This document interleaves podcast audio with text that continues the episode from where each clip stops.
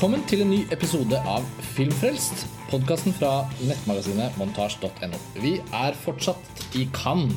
Dette er den andre festivalepisoden fra Cannes-festivalen i 2015.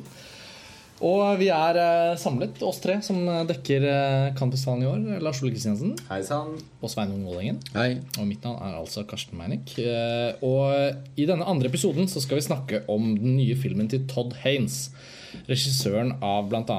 Far From Heaven og Safe og I'm Not There og Velvet Goldmine etc. etc. En amerikansk independent regissør. som Gjorde seg meget bemerket da han eh, kom tidlig på 90-tallet med sine første filmer. Og gjennom 2000-tallet har jo blitt en ganske betydelig amerikansk filmskap, men som ikke lager film så ofte. Og nå har han laget en ny film, og den heter Carol. Og denne filmen er adaptert fra Patricia Highsmiths roman 'The Price of Salt', som ble gitt ut i 1952.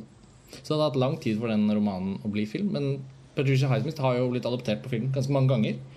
Eh, så det er litt sånn ja, interessant ramme for en film. Og vi har jo fulgt også produksjonen litt. Eh, Kate Blanchett spiller hovedrollen som Carol. Og Rooney Mara spiller den andre sentrale hovedrollen. Og, og det er en kjærlighetshistorie om to kvinner som forelsker seg i hverandre.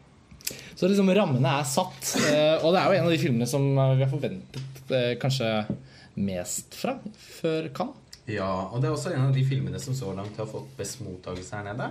Så eh, Og det er jo heller ikke spesielt overraskende med tanke på at Todd Haynes vil jeg si har for vane å levere mesterlige filmer. Han er litt i den kategorien av filmskapere når de, de bruker litt lang tid, men de leverer ofte veldig bra. Ja. Som regel bra. Og så har han en veldig Han har liksom et konsekvent kunstnerisk prosjekt. De fleste filmene hans handler om utenforskap på en eller annen måte. Gjerne med en tilknytning til seksuell legning. Han er jo selv homofil. Uh, og regnes av mange også som, på en måte som en queer cinema-regissør. I hvert fall med filmene Mm. 'Velvet Goldmine' og så, og, Men han er også og det føler jeg kanskje er det uh, For vi har jo, det er ikke første gang vi snakker om Todd Haynes på Filmfrelst. Han dukket opp på litt sånn lister. Ja, Ikke minst på 90-tallslisten med Safe. Ja, for de som hørte den, eh, den episoden der den filmen ble snakket om, så gikk vi jo ganske mye inn på også hva som utgjør Tad Haynes liksom, felt. Ja, og han er jo kanskje den store pastisjmesteren eh, blant eh, samtidens filmskapere. Det kan høres veldig smalt ut, men han har, han har rett og slett Det har blitt en spesialitet for han å etterligne eh, filmatiske uttrykk fra tidligere perioder i filmhistorien. Eh, 50-tallets melodrama, og spesifikt Douglas Sirk sine filmer i Far From Heaven. Eh, en hel rekke forskjellige uttrykk fra hovedsakelig fra den europeiske filmen på 60-tallet, i I'm Not There. Også den med Kate Blanchett. eh, I en eh, meget hyllet rolle som en av Er det syv Bob Dylaner? Det er i mange nok til at man tenker at Bob Dylan er eh, i hvert fall i Todd Haynes' verden en ganske Ja, det mangefasitert skikkelse. Ja, en fantastisk film og en fantastisk eh, rolletolkning av Kate Blanchett. og hun kommer da Hun gjenforenes med, med, med Todd Haynes i, i Carol. Og Todd Haynes er jo en sånn regissør som jeg tenker vi alle har ganske sånn godt forhold til. Eh, han har jo ikke hatt noen sånne blød... Det har ikke vært noen store vendinger eller blødmer eller snubletråd. Altså sånn, han har hatt en ganske sånn stabilt, solid, interessant karriere.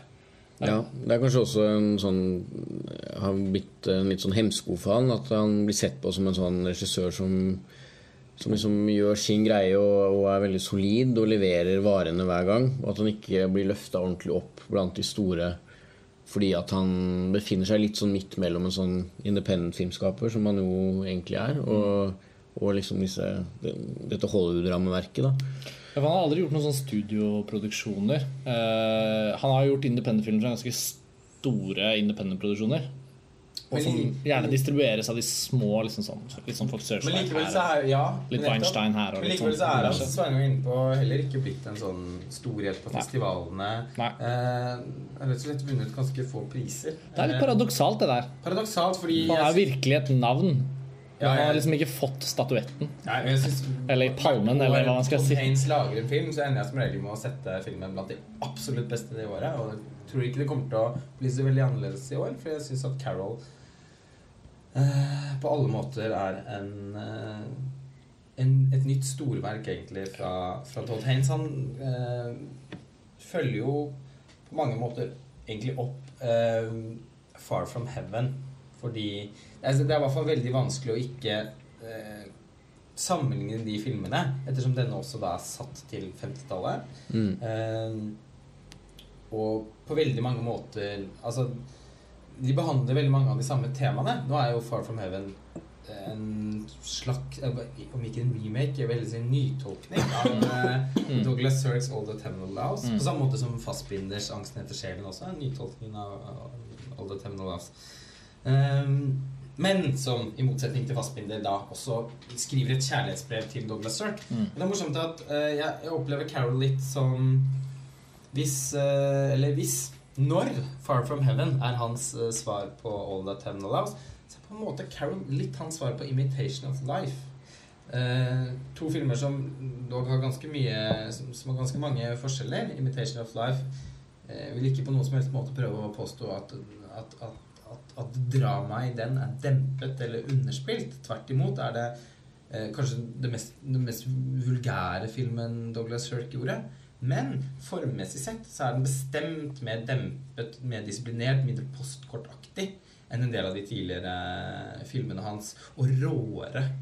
Eh, i, også på en måte i sin sånn Det er noe sånn sant ved filmen eh, som jeg også syns er en kvalitet ved Carol. Her har han Han har på en måte gått litt en vei. Eh, det han har laget eh, Nå er det jo syv år siden. Er. Det er, det er godt, altså, skremmende å tenke på at det er slik. han har riktignok hatt en produksjon i mellomtiden. Det er Det er den jeg noen, skal inn på. ja, ja, det er kanskje noen som har sett den eh, Det var en HBO HBO-adaptasjon. miniserie. Ja, miniserie. Ja, Mild, eh, nytolkning av Mildred Eller den er vel strengt tatt hele en adaptasjon Ja. eh, av eh, Mildred Pierce. Den hadde jo Kate Winslet i, i hovedrollen, og det var jo en veldig profilert miniserie. Absolutt Til miniserie å være. veldig kritikerrost uh, også, og jeg hadde stor glede av å se serien, men der følte jeg at, uh, at Todd Haynes var i en litt sånn uh, En mellomfase som jeg var Eller han, han, han, han inntok liksom et modus der som jeg var litt mer sånn forbeholden til. Nå skal det sies at jeg er veldig begeistret for Michael Curtis sin originalfilm. eller hans Mildred Pierce, i hvert fall. Ja, ja. Som, er, som er mer camp. eh, og som jeg syns egner seg nettopp til den eh, fortellingen. Men i Mildred Pierce var det åpenbart veldig viktig for Donald Haynes å fjerne seg litt fra den fra, eh, fra kitchen og campen og pastisjen, rett og slett, fra Far From Heaven.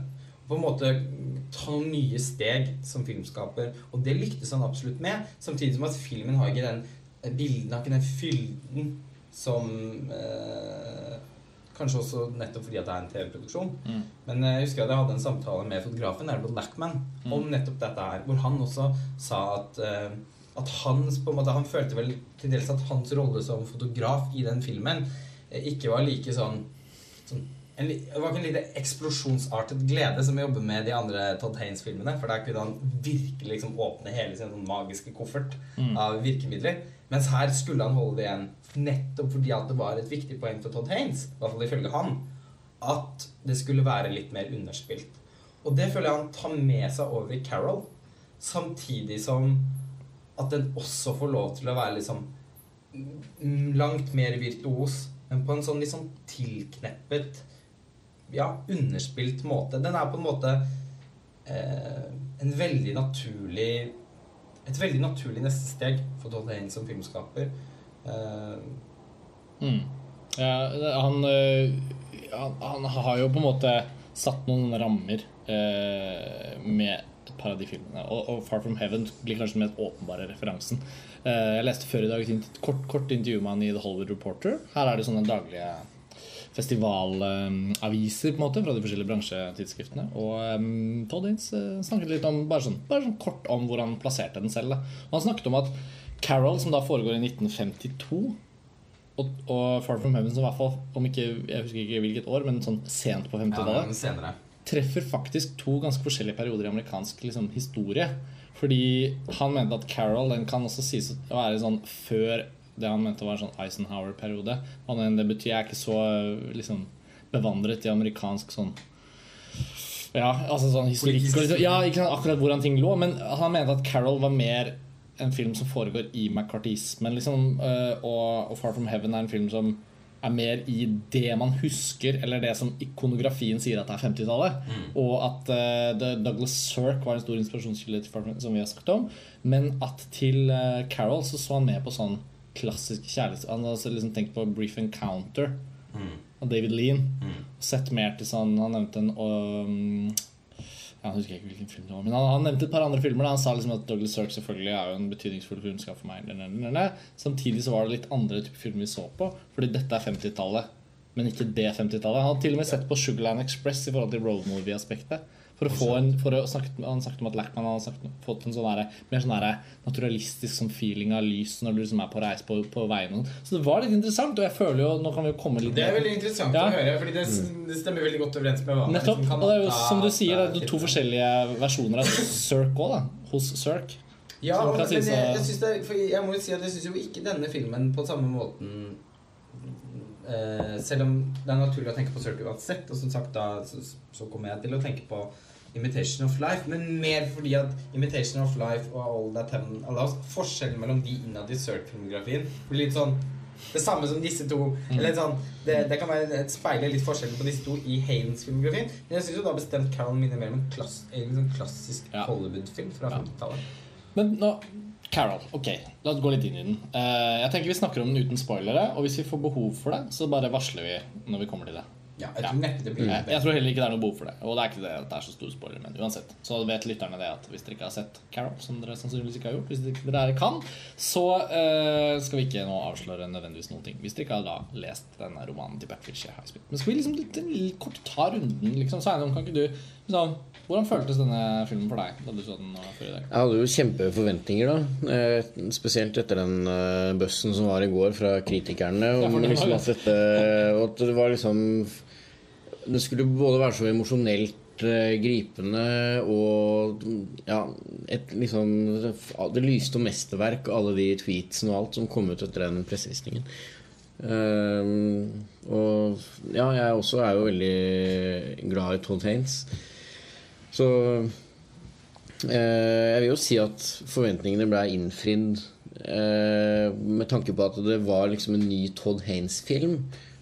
Jeg synes, for det første, altså Først og fremst så syns jeg filmen så helt fantastisk ut. Altså Hvert bilde Det var liksom bare å absorbere hvert bilde av Edvard Lachmann med disse fargene som er så klare og flotte uten å bli sånn prangende. Det er liksom eh, en sånn mykhet i, i bildet, da, og lyset, som nevnt. Og Og her er det mer, altså mer, som, mer av fargene som er plantet i Miss en scène Mm. enn i altså, Far From Heaven, som har en mer sånn tjukt, lyssatt look. mm. Så er det her det, mer altså sånn et skjerf, en lue, et pledd.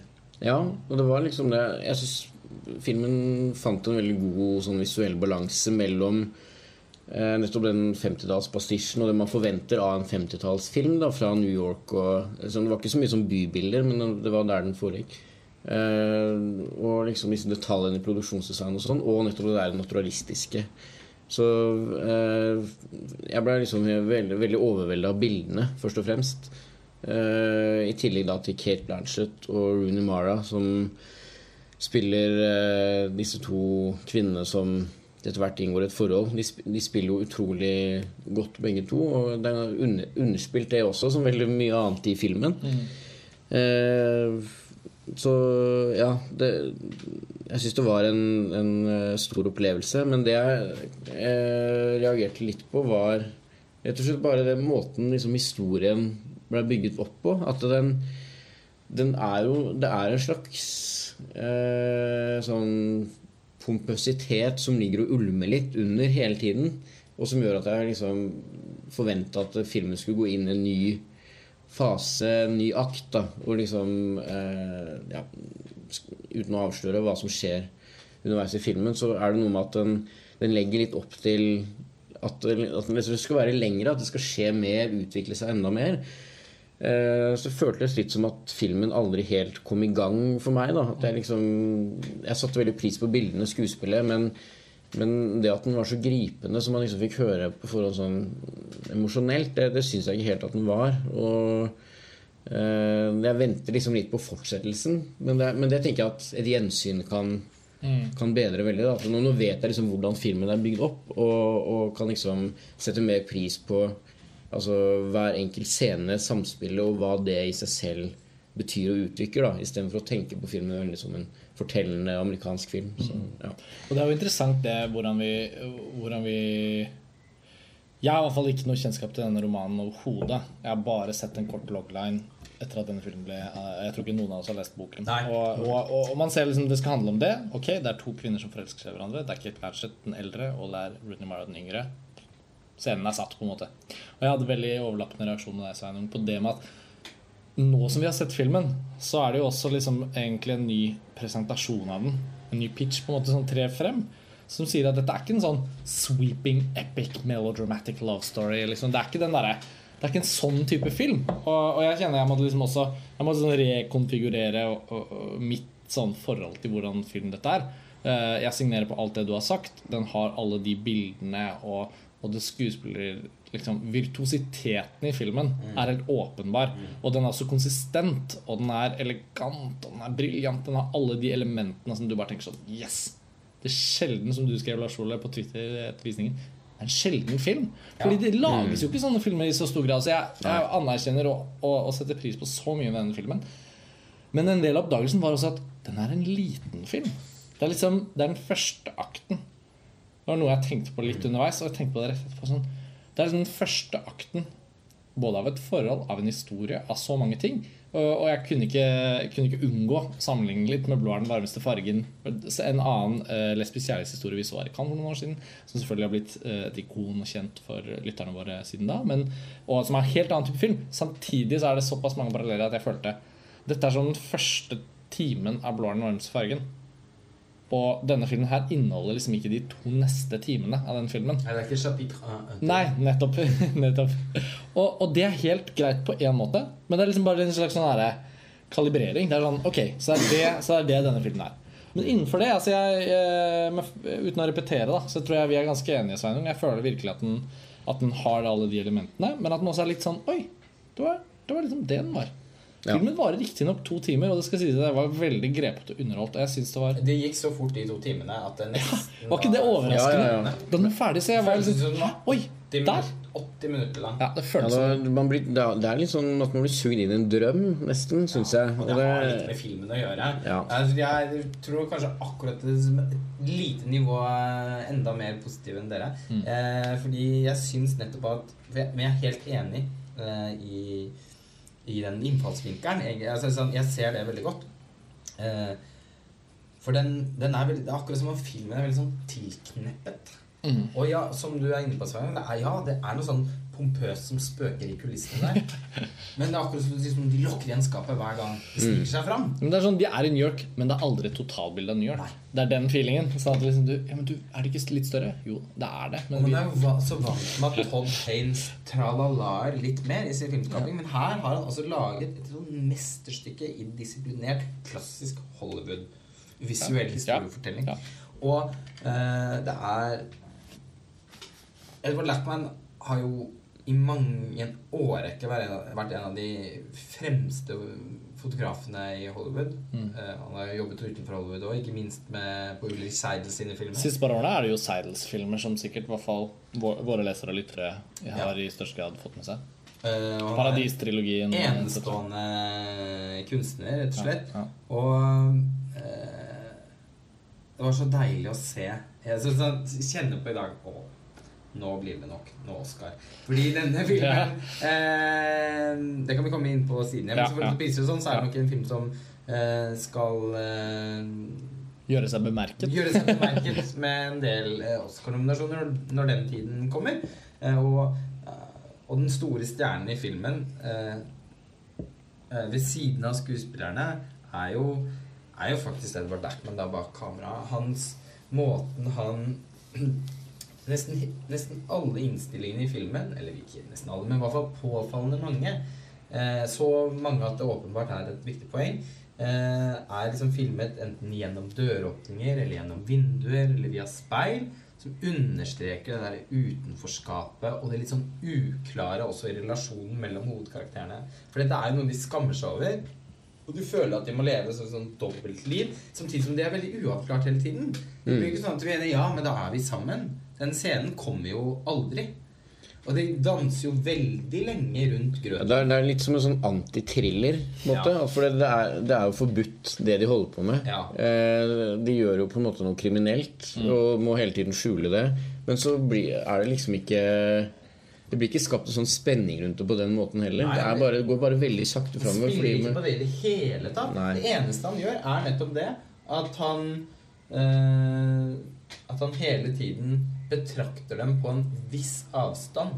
Det er litt sånn Ja, litt tilknyttet, Litt sånn eh, delikat. Mm. Mm. Uh, og Ed Lackman sitt kamera i tillegg til disse lyssettinger som er utrolig vakker, men også litt sånn tilbakeholdt. Subtile. Altså, det, ja, mye man, mer underspilt enn de tidligere filmene til Todd Haynes. jeg frykter, og er ganske overbevist om allerede, ettersom Weinstein-brødrene distribuerer den i USA, så, så frykter jeg å, å se for meg en, en form for markedsføring og trailer og alt det der som kommer til å liksom kjøre på med strykerne og, og liksom liksom snøre sammen de på en måte mest pompøst lignende bildene fra filmen. Og det er sikkert liksom- en bra måte å selge filmen på. Sikkert ikke dumt.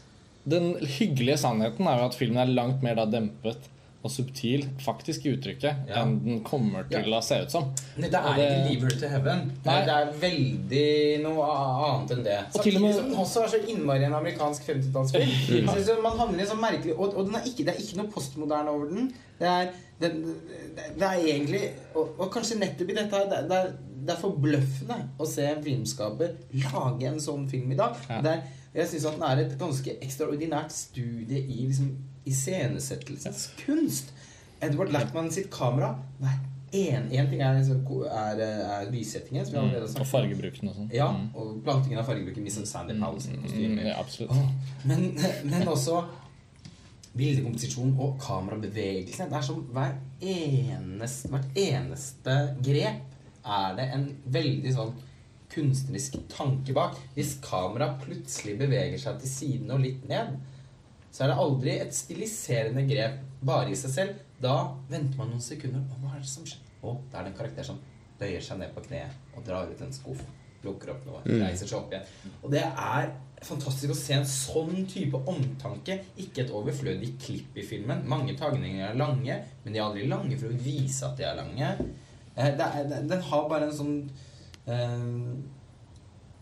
veldig klassisk Kolja, som du var inne på, som jeg hadde allerede har eh, ytret meg om på Twitter. Den føles så sjelden. Mm, ja. Og det er et veldig sånn På en måte sier jo litt om vår kinokultur anno 2015. At det, liksom, det er visse filmer som bare ikke lages lenger. Og så, og så er det jo kanskje ikke så mange år siden de ble laget. Men man blir likevel utrolig glad for det. Mm. Og så er det sånn sjokk Oi, det er 16 år siden talentfulle Mr. Ripley til Anthony Minghella. Det er jo lenge siden, det. Som, er, som, også, ja, Som også er Patricia. Highsmith-adaptasjon, også faktisk besitter mange av de samme type Ja, og, og ha Kate Blanchett. Altså, det er liksom noe med det. Og, og, og, og det, det bare sier at tiden løper fort av gårde, og filmkulturen er i stadig endring. og sånn Men da, da er det jo ikke noe mindre grunn til å sette pris på at noen velger å lage film på den måten. Da. Men samtidig, det er jo da at man, Mingella var jo en fyr som dro opp de episke liksom, linjene. Og når han formulerte de der scope-bildene sine, så var det sånn Og da var det liksom ikke måte på hvordan vi skulle liksom få den der totalbildefølelsen av lokasjonene, av stemningene. Sånn, og sånn, og sånn. sånn er jo ikke Carol. Altså, sånn, det, det var ikke sånn at man engang følte at den foregikk i New York i starten. Nei. Og så plutselig var det sånn uh, Madison Avenue, bla, bla. Så var det sånn Å å ja, og det er New York. Det er veldig- er sånn, Ja, sånn sånn. Lewin Davis. Coen-brødrenes Lewin Davis var en sånn film som også var litt sånn Der, der var det riktignok mye mer uttalt at den foregikk i New York. Men den gjorde liksom ikke så store numre av det heller. Inntil et punkt hvor den dro opp noen sånne litt sånn store totaler. Og da var det sånn CGI, matte painting. Ikke sant? Ja. Og denne filmen her gjør ikke noe av det heller. Så den ser enda mer gammeldags ut sånn sett fordi den har jo aldri tatt ens funnet Nei, og Lackman har det heller ikke i seg til å gjøre Det er jo åpenbart en film som er skutt på film. Jeg følte kanskje den var skutt på 16 mm, for jeg synes den hadde en sånn Det er kanskje ikke det, Det, er ikke- det var en feeling, da. Ja. Men la oss liksom notere det som en feeling, Fordi uansett hvilket format den faktisk er skutt på, så Ja, har så den, den, der, den har den der litt sånn der grov Ja, den føles veldig frisk og Ja. pustende. For å Men glede selv Det er, masse, det er masse tekstur i bildet. Ja, og det altså, handler er- ikke bare om at den skulle på film. Det handler også om at det er sånn Du føler filmen på ekte steder. Liksom. tjukke bilder. Ja. Med mange sånn liksom, dybdekomposisjon. Og den, Det lys, lyssettingen er til og med selv om den er mer underspilt enn i en del av Todd Haynes andre filmer, Ja. likevel veldig avansert. Og det er noe jeg tror publikum, altså ikke bare resten av verden og her i Cannes, og sånn, men bare sånn når, den går opp på Gimle til vinteren da, om et svangerskap, og den er Oscar-filma februar, eller hva det blir, Mm. så er det sånn at jeg tror et eller annet sted i måten vi ser filmer på, selv folk som ikke er filmkritikere og bla, bla, men bare sånn har lyst til å gå og se en god film, så ser man at denne filmen har den der kvaliteten. Som er litt sånn ubestemmelig sånn derre Den føles litt sånn Den har den derre ekthetsfølelsen kombinert med en sånn god, gammeldags fiksjon-kvalitetfølelsen. Og så at liksom selve dramaet, som ser ut til å være et melodrama, og ser ut til å ha de store følelsene, og på en måte har det, ikke har det i sånn skuespillerestetikken, dialogen sånn. Den er liksom nede. Mm. Det har vi nå snakket mye om. Og den kombinasjonen her, det lille regnestykket av det som så er lik Carol, er litt forbløffende. Ja, og det er, og det er noe uforløst eh, over filmen, Mm. men som jeg syns understreker det triste med filmen. Mm. Ja, for det er en ganske det er veldig trist melankolsk ja. reise vi er på. Og det er, ja, og det er veldig sørgelige hovedkarakterer. Ja, og det, er- det er, og igjen så er det jo liksom Det er hovedkarakterene og det er fotet som liksom understreker det. Jeg syns eh, For å komme litt tilbake til det her med bildekomposisjon og utsnitt og sånn, så syns jeg det er så eh, mange scener i filmen hvor, hvor det sitter eh, flere folk samlet rundt et bord eller i et selskap eller i en eller annen sammenheng. Eh, hvor da eh, Carol eller eh, Nå husker jeg ikke hva Rooney Maras rollefigur heter. Therese. Ja, Therese. ikke Therese, men Therese. Ja. Therese. Som Carol er veldig imponert over. Oh, not Teresa. Ja. Ja. Therese. Oh, Therese. Deres bli kjent-fase. Ja. Ja, ja. Ja, fordi eh, man ser det liksom utenfra. Være inne i et rom. Eh, enten så er- beveger kameraet seg, eller står kameraet utenfor, eh, utenfor veggen og filmer inn. Man ser de liksom separert fra de andre pga. at det er en vegg imellom eller ja, et eller annet. Eller så står jo da filmen som du var inn, nei, kameraet som du var inne på, Lars Ole, eh, rundt et hjørne. Og liksom Man, man ser ikke hele rommet. Man ser, ser det bare utenfra for, fra et rom i nærheten og, og liksom halve døra. Mm, Og det er liksom det, det er noe sånn Edvard Hopper-aktig over den, den komposisjonen. Han må som- jo trekkes inn. Ja, fordi, og, og som liksom bare understreker den fremmedgjøringen på en så utrolig elegant måte. da Hvor det er kjempetrist, men, men ikke for mye heller. Altså, ja. Edward Hopper er jo en uh, kunstner som billedkunstner som Edward Lackman i særdeleshet, tror jeg. Jeg tror nok også Todd Haynes er det. Men i hvert fall vet uh, at han eh, er ekstraordinært opptatt av. Han har også for Jeg har, har da hatt litt kontakt med han for et par år siden. Og han har også hatt noen egne Noen egne prosjekter hvor han har jobbet med å rekonstruere Edward Hopper sine malerier okay. som levende filmbilder. Eh, som er da videoinstallasjoner som han har laget.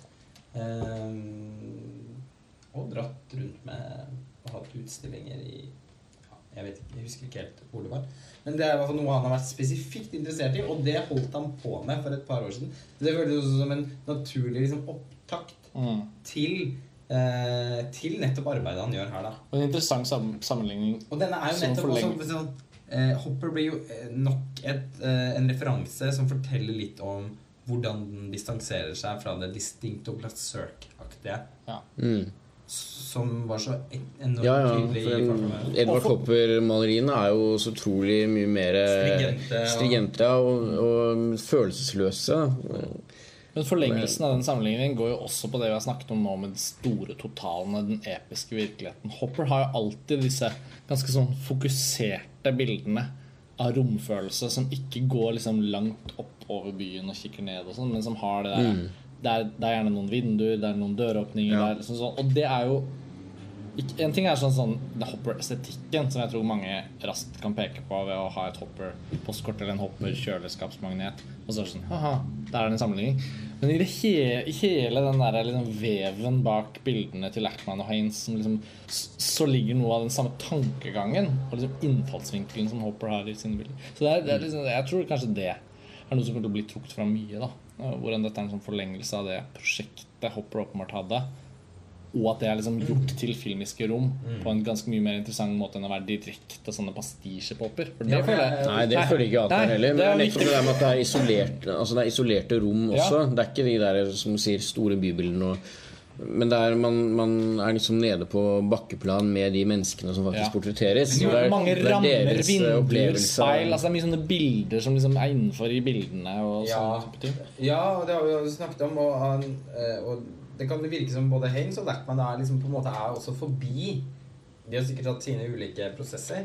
Eh, kunstneriske prosesser fram mot å lage film. Men det virker som liksom de har kommet forbi litt det å ønske å lage en pastisj. Det er mer å, å, å, å bli inspirert av noen for, for slags prinsipper eller en eller annen Mm. grunntanke som fins f.eks. hos Edvard Hopper, da, Mm. som gestaltes i, i, i bildespråket til filmen. Og eh, når vi er inne på dette litt sånn mer dempede, dis uhyre disiplinerte mm, kunstneriske uttrykket som preger Carol, som føler jeg også nesten som et, kanskje som et avsluttende punkt. Da vil vi snakke litt om skuespillerne. Fordi særlig Kate Blanchett, som jo er En ting er at hun er en av mine absolutte favorittskuespillere. Ja. Eh, Er det ikke, henne er det noen som- som ikke har henne som en favoritt på nåværende tidspunkt? Jeg tenker sånn, Hun er kanskje den den best likte. Hun spiser Meryl Streep i nakken. Ja, eh, ja jeg syns det er en så stor klasseforskjell der, så Ja. den diskusjonen kan vi ikke ta nå. Nei, nei, Men uh, for, hun er en av de, det, det er kanskje den skuespilleren er lettest for å omtale som Ja, hun er vel verdens beste skuespiller. Ja. Og, men det er også og Jeg er veldig begeistret for henne når hun er på sitt mest som virtuose. Mm. Sånn som i The Aviator eller Notes, Notes on Scandal, som er en veldig stor guilty pleasure for meg. Eh, eller Bruce Jasmine, som hun vant en Oscar for. Mm. Har, og, og innledningsvis i Carol så, så får man liksom den lille leveransen av en sånn Blanchett-godterier. Jeg har en følelse av at vi begge humret I order uh, what's come out altså, Når det begynner med sånn uh, Dry martini. dry martini, please. Ja. Ja, hun, sånn, hun har et par sekunder med noe sånn der Blue Jasmine. ja. Og da får man- da får man en liten følelse. Å, er det dit den skal? Ja. Og da var jeg litt bekymret. Bare et Ja. sånt sekunds følelse av bekymring. Men jeg må gi Å, men jeg smilte litt av det. Når hun satt der i det her Sandy Pole-kostymet og var sånn Mm. For hun kanaliserer også en sånn klassisk klassiske Hollywood-divaen. Ja, ja. På en måte som veldig få andre gjør. Men dog er det en veldig sånn fin overraskelse å se at eh, og, det, og det bidrar til liksom å gjøre filmen uforutsigbar. At de spiller ikke på det Altså type sånn vesenstrekk man normalt forbinder med skuespillerne. Dette er også da en Kate Blanchett-rolleprestasjon. Som selv om den er fryktelig god, er veldig, veldig nede. Ja. For det blir den jo etter hvert når man kjenner at oi, hun skal virkelig, liksom. Ja. Hun skal gjøre dette på den måten. Og det er ikke så Jeg til, følte til og med et sekunds sånn sammenligning med Cinderella av Kenneth Branagh på et tidspunkt. Så, men det er bare de aller første møtene med rollefiguren hvor hun også er litt mer sånn uppity, da. Ja, det for passer det, det passer veldig bra. Og etter hvert som historien settes i gang, så å, så får vi bli Det er ikke kjent med hva Det er som grunn at Therese Nei. Therese Som hun sier Vi gir så betalt av henne nå. Rooney Mara er jo selvfølgelig en skuespiller som da i denne filmen på ingen måte eh, blir tilsidesatt av Blanches, Blanchetts virtuositet. Jeg syns jo at Rooney Mara faktisk også står, står her som et av høydepunktene i filmen. Absolutt. Nettopp fordi at eh, Kate Blanchett ikke liksom tygger i seg hver eneste scene med åpen munn, så blir det jo også rom for at Rooney Mara kan komme sil- fram med sitt veldig sånn forsiktige spill, Mm. eh, som er litt hennes spesialitet. Mm, mm. Og hun har imponert voldsomt, syns jeg, fra Erika Albright i The Social Network. Eh, men da kanskje spesielt The Girl That Bragged to Side Effects. Eh, og fortsetter jo bare å å vokse fram som en av de absolutt mest lovende yngre skuespillerne i Hollywood. Er, det, er det sånn at Bør noen av de andre skuespillerne trekkes fram? Jeg føler liksom at det er jo en film som nesten er sånn at det bare er de to. Ja, ja, for- ja. Det er jo en, en, en serie med sånn se, eh, halvviktige birollefigurer som skal liksom, liksom plotte inn de dramatiske eh, punktene. Men de er jo ikke Det er forbløffende også hvor lite den interessert er i å gjøre sånne som også plott relevant. Og det er jo Den, den holder en veldig sånn streng fokus på den relasjonen. Jeg syns han øh, øh, Ektemannen til øh, Carol Ja. øh, Hele den uh, biten med han føles jo veldig som en sånn, et dramatisk valg for at uh, det forholdet mellom de skal få utvikle seg og bli at, så må det liksom altså, med. Ja, Det må med. Men det, det, var, det var jo veldig klassisk. Altså Alle de replikkene han har, måten han reagerer på Det er jo veldig sånn forutsigbart med at han er en sånn 50-tallsmann som forventer at han vet hvor kona si er til enhver tid. Og, Eh, Men det, det funka, den filmen her, men det hadde nok ikke funka i enhver film. Eh, Den eh, litt sånn eh, ja, Man har sett det så utrolig mange ganger før. Den mannsrollen på den tiden der ble, Det er liksom det nærmeste den filmen kommer en pastisj, syns jeg. Ja, fordi uten, uten å, men uten å være tongue in cheek og uten å være så veldig sånn postmoderne selvbevisst, så er det jo ikke sånn at filmen det, den, eh, den er jo også veldig tydelig på på uttrykket sitt som en klassisk 50-tallsfilm. Så det er klart at eh, en viss type liksom klisjeer som dukker opp underveis, har man nok lettere for å svelge, da. Nettopp pga. Mm. at de er så konsekvente med den formen. Men, eh, men jeg hadde ikke noe problem med det. Nei da, jeg hadde heller ikke det. Men jeg tenkte at dette har jeg ikke noe problem med. Nei. Så Nei, det er klart det er en tanke Ellers så er det jo det er veldig mange som har snakket om at eh, filmen Fordi den har, jo, altså den har jo fått ekstraordinært god mottakelse, spesielt amerikanske filmkritikere. Og mange begynner å snakke om at dette her liksom er den første virkelige gullpalmekandidaten. Jeg føler imidlertid at dette er en film som, selv om jeg syns den er helt fantastisk eh, ville vært et veldig utypisk valg. Nå er riktignok juryen ny hvert år, men man ser likevel et veldig tydelig mønster. At de fleste filmene som vinner Gullpalmen Enten, ja, Noen ganger så er det en, en, en, en autør som leverer Som er litt sånn overdue for å få prisen. Som har vært i Cannes, som har liksom en tydelig Cannes-historikk, sånn som du gjør i Billy Jailan. Mm. Eh, I fjor. Jailan i fjor Mm. med Vintersjø. Todd Haynes har ikke en sånn kan-historikk å vise til. Eh, og filmen er jo også is Altså Den er jo på en måte så idiosynkratisk som det den er. Og den, den er ikke noe bombenedslag. Og, og den er jo heller ikke da eh, I og med at filmen fins ikke sentimental på en veldig sånn På en, på en veldig Veldig elegant måte, syns jeg. Mm. Eh, men det gjør jo også at filmen ikke kan liksom fremkalle noen følelser sånn voldsom Jeg, jeg har i hvert fall problemer med å se hvordan den kan virkelig liksom ryste et publikum.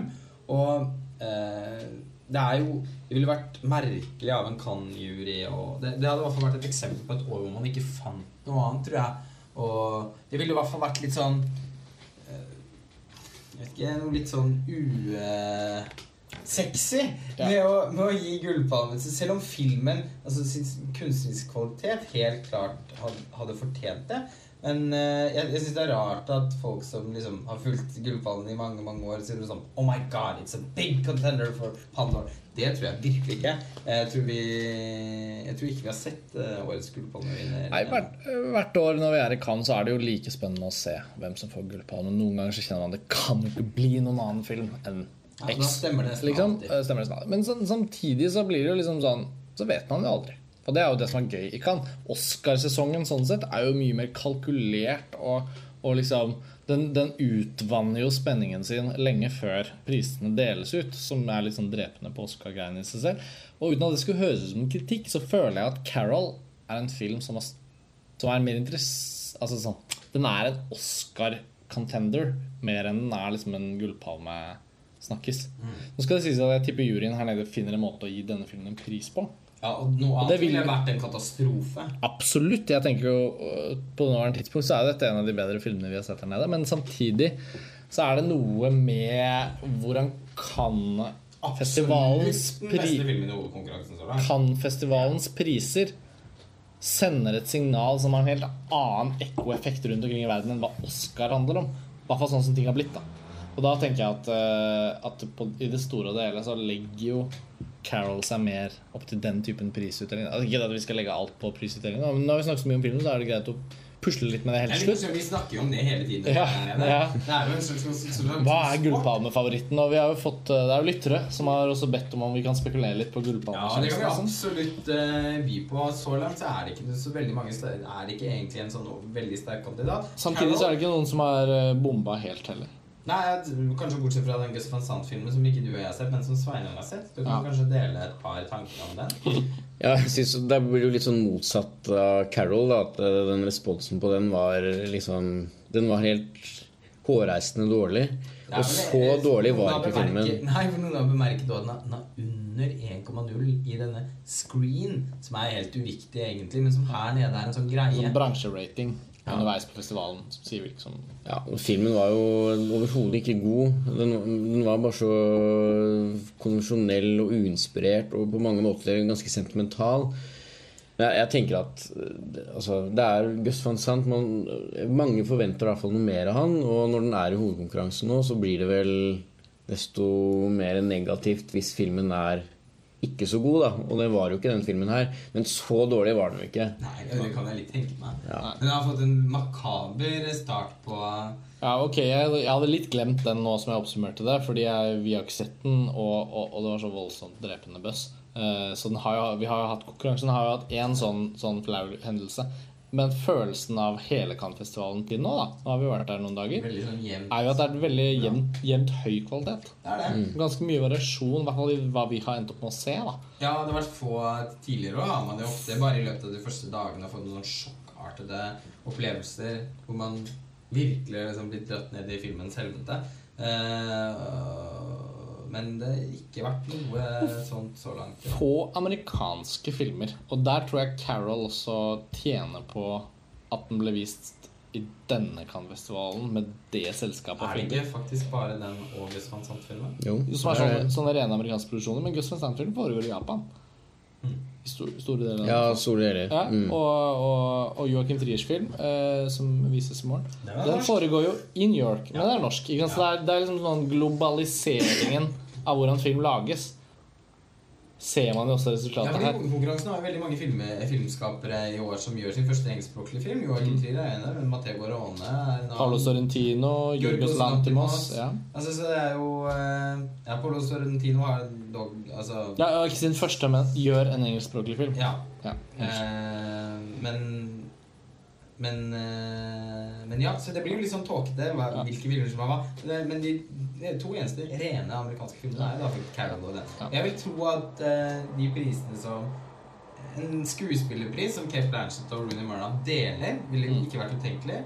Samtidig så kan det kanskje være noe med at filmens altså Det kan føles litt for mye som en slags ønskereprise av Selv om jeg syns jo filmene er så forskjellige at det egentlig er fryktelig teit både å Hvis det skulle vært tilfellet, så er det på en måte veldig teit å ha den tanken. Men eh, men ja, en, det kan, man kan kanskje føle på at en sånn felles anerkjennelse av deres innsats som eh, to kvinner som elsker hverandre i den filmen, kan bli litt for mye. Ja, en Men, men i, franske, i den franske prismen så må jo da sexscenene være 10-12 minutter lange. Altså Ja, Carol, Carol sine sparsommelige et par minutter blir ikke det like imponerende. Så da blir det ikke noe sjef der. Nei, men jeg er enig. Eh, det er skuespillerne føles- Til alvor, Ja. eh, så er det nok en hot kandidat for skuespillerpriser Ja. og for regi. Regi. Men der er det også veldig mange som snakker om eh, den smelta Ja, Sal ja. Ja, ja. Den ungarske debutfilmen. Holocaust-filmen. Ja, ja. Holocaust-film. Som ganske marerittaktig opplevelse og, og Mm. Men det Og som nok også Og den var også Det var den første filmen som folk begynte å rope Palmebøss. Ja, så at det ble som palmesus. mm. Men den, den er også i, egentlig igjen litt Carol. Så liksom eh, Liten. Ja, og så så Kompakt. Kompakt, ja. I, Det var ordet jeg lette etter. I sitt prosjekt.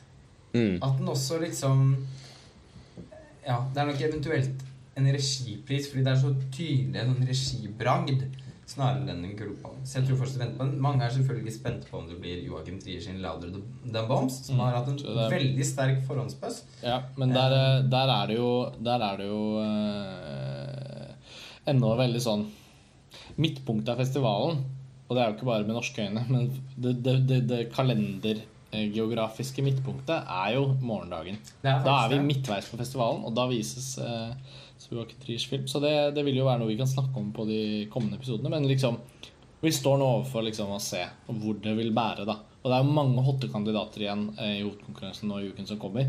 Eh, ikke minst tenker vi jo at Ho Xiaos igjen med sin eh, lenge etterlengtede The Assassin. Og han er jo nå nominert til Gullpallen for syvende gang. Ja. Det er noen her som, som er litt due. Ja. For si sånn. Og hvis The Assassin viser seg å være en helt fantastisk Fushia-film, Ja.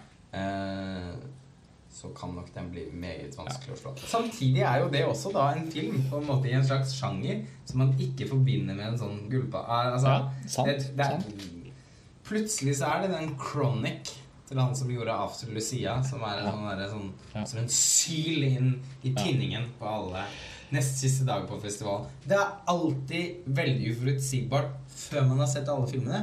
Når man, når man har sett dem, så lykkes man ofte veldig godt med å tippe. Vi skal kanskje også komme med våre tips eh, i forkant, og så får vi se hvor godt vi lykkes. Men da må vi i hvert fall se alle, i hvert fall så godt som alle filmene i hovedkonkurranse først. Og heldigvis er vi her i Cannes helt til og med slutten av festivalen. Så vi skal nok få sett dem, og dere skal nok få høre hva vi tenker at kanskje blir palmevinnerne. Helt frem til prisutdelingen. Yes. Dette var jo podkasten om Carol. Nå er vi i mål. Um, uh, takk igjen for at dere hører på Filmfrelst. Det føler vi alltid er viktig å understreke. Det er ingenting så hyggelig som å vite at man har lyttere der ute som har lyst til å høre på våre samtaler om de filmene vi ser. Uh, følg med. Flere festivalepisoder er på vei. Vi avslutter kveldens episode nå. Ha det bra.